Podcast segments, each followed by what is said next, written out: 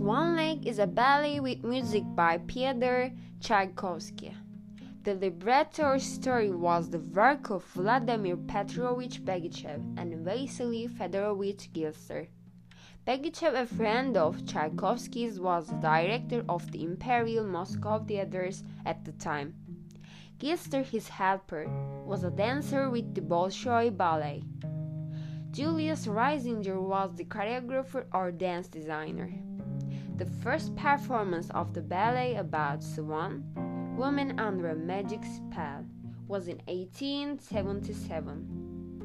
A 1994 cartoon movie version of the story is available on this podcast.